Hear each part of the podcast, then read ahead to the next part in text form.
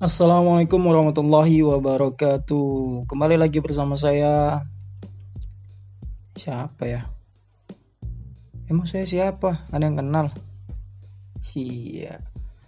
Oke teman-teman kembali bersama saya Communitizen yang dibawakan langsung oleh saya sendiri Communitizen. Kenalkan saya Communitizen.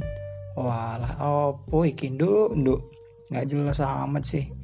Oke, pada podcast kali ini kita akan membicarakan perihal ini nih. Ini sedang banyak informasinya, sedang beredar luas di media sosial. Perihal bantuan sosial yang diberikan oleh pemerintah ataupun oleh badan sosial eh, baik itu yang dimiliki oleh negara ataupun yang non pemerintahan.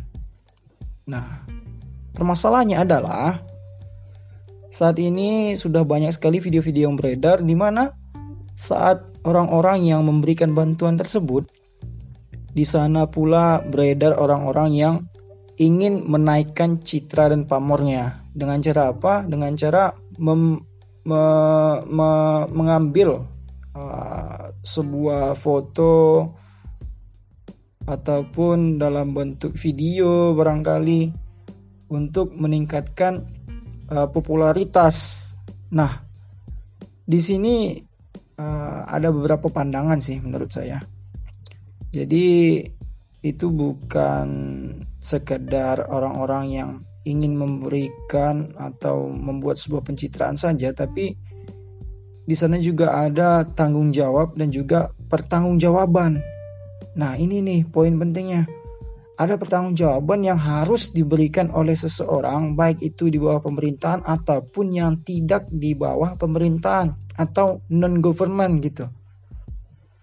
Jadi mereka butuh dokumentasi, butuh bukti dalam bentuk foto ataupun penggalan video agar nantinya bantuan yang diserahkan oleh mereka yang di mana bantuan tersebut berasal dari masyarakat bisa ditunjukkan bahwasanya ini loh barang itu sudah disalurkan dengan baik kepada orang yang tepat.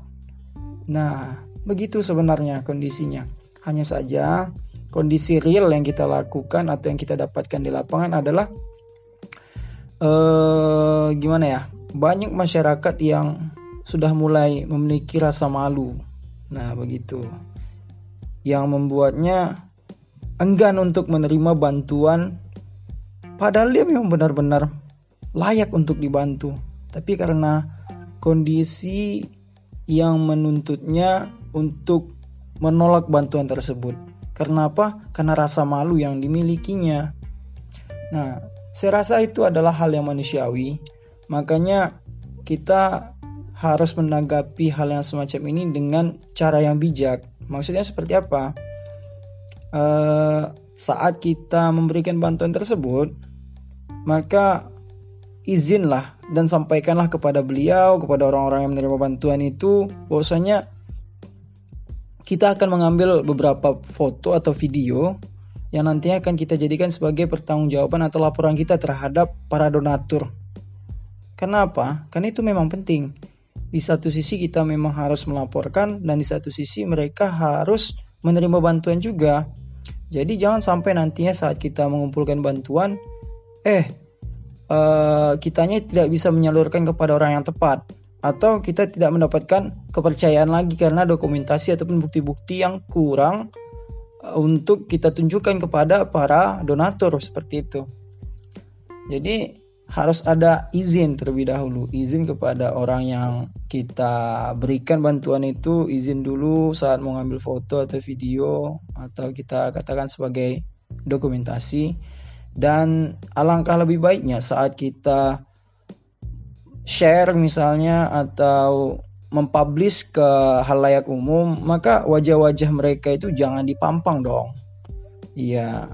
Maksudnya ya diblurkan lah atau kita kasih semacam sensor gitu jangan sampai dilihat kepada orang-orang umum. Karena nantinya mereka jadi malu kalau seandainya wajahnya itu terpampang di depan umum kalau saya sih sebenarnya jikalau saya memposisikan diri saya sebagai penerima bantuan, saya juga pastinya malu gitu. Karena ya itu bakalan menjadi apa ya namanya menjadi sebuah ketakutan atau momok di dalam kehidupan bermasyarakat. Jadi sebisanya ya seperti saya katakan tadi di blur saat mempublish atau meminta izin terlebih dahulu. Jangan sampai kita nanti ada miskomunikasi seperti itu. Ya, kalau kita mengkaji-kaji kembali sih memang banyak juga orang-orang di luaran sana yang tidak tahu malu bahkan karena mereka biar makan, biar malu asal mereka mendapatkan bantuan begitu. Nah, itu pasti ada juga oknum-oknum yang seperti itu. Bahkan orang-orang kaya yang rasanya memang menurut kita ini mereka mampu, tapi mereka meminta bantuan begitu. Ya saya nggak tahu lagi mau bilang seperti apa nih orang-orang yang seperti itu. Ya ada hal yang kurang sih dari mereka. Bukan harta tapi pemikirannya, otaknya kurang. Aduh, agak berat saya sebenarnya mengatakan itu. Sedikit keras rasanya. Tapi ya begitulah keadaan yang terlihat di masyarakat sendiri. Kenapa saya membahas topik ini dan kenapa langsung-langsung aja membahas hal yang seperti itu? Karena ya memang di era pandemi yang sudah mendunia saat ini, wabah COVID-19 atau uh, coronavirus itu memang sudah merubah pola perekonomian dan sosial masyarakat saat ini. Kenapa tidak? Bayangkan saja, pasar pasar-pasar sudah mulai tutup. Kemudian kendaraan transportasi juga sudah semakin sedikit. Akibat orang-orang memang dituntut untuk berada di rumah saja. Karena ini adalah salah satu hal yang digunakan untuk menekan laju uh, penyebaran COVID-19 tersebut. Walaupun, walaupun masih ada juga orang-orang yang memang mengharuskan diri untuk keluar karena salah satu atau satu-satunya bahkan jalan dia untuk mendapatkan rezeki atau memperoleh rezekinya ya memang harus keluar gitu. Memberanikan diri untuk menantang maut kalau saya katakan. Maka orang-orang yang seperti itulah yang memang harusnya kita bantu, harusnya kita santuni dan kita memberikan yang terbaik dari yang kita punya. Dan untuk menjadi baik tidak harus kita bicara tentang harta kita banyak gitu. Bahkan dengan posisi kita yang juga tertekan dalam ekonomi, jika kita mampu untuk memberi, maka insya Allah pahala yang dijanjikan oleh Allah sangat besar sekali. Insya Allah posisi kita juga akan terangkat bukan untuk dunia tapi untuk akhirat. Nah, seperti itu.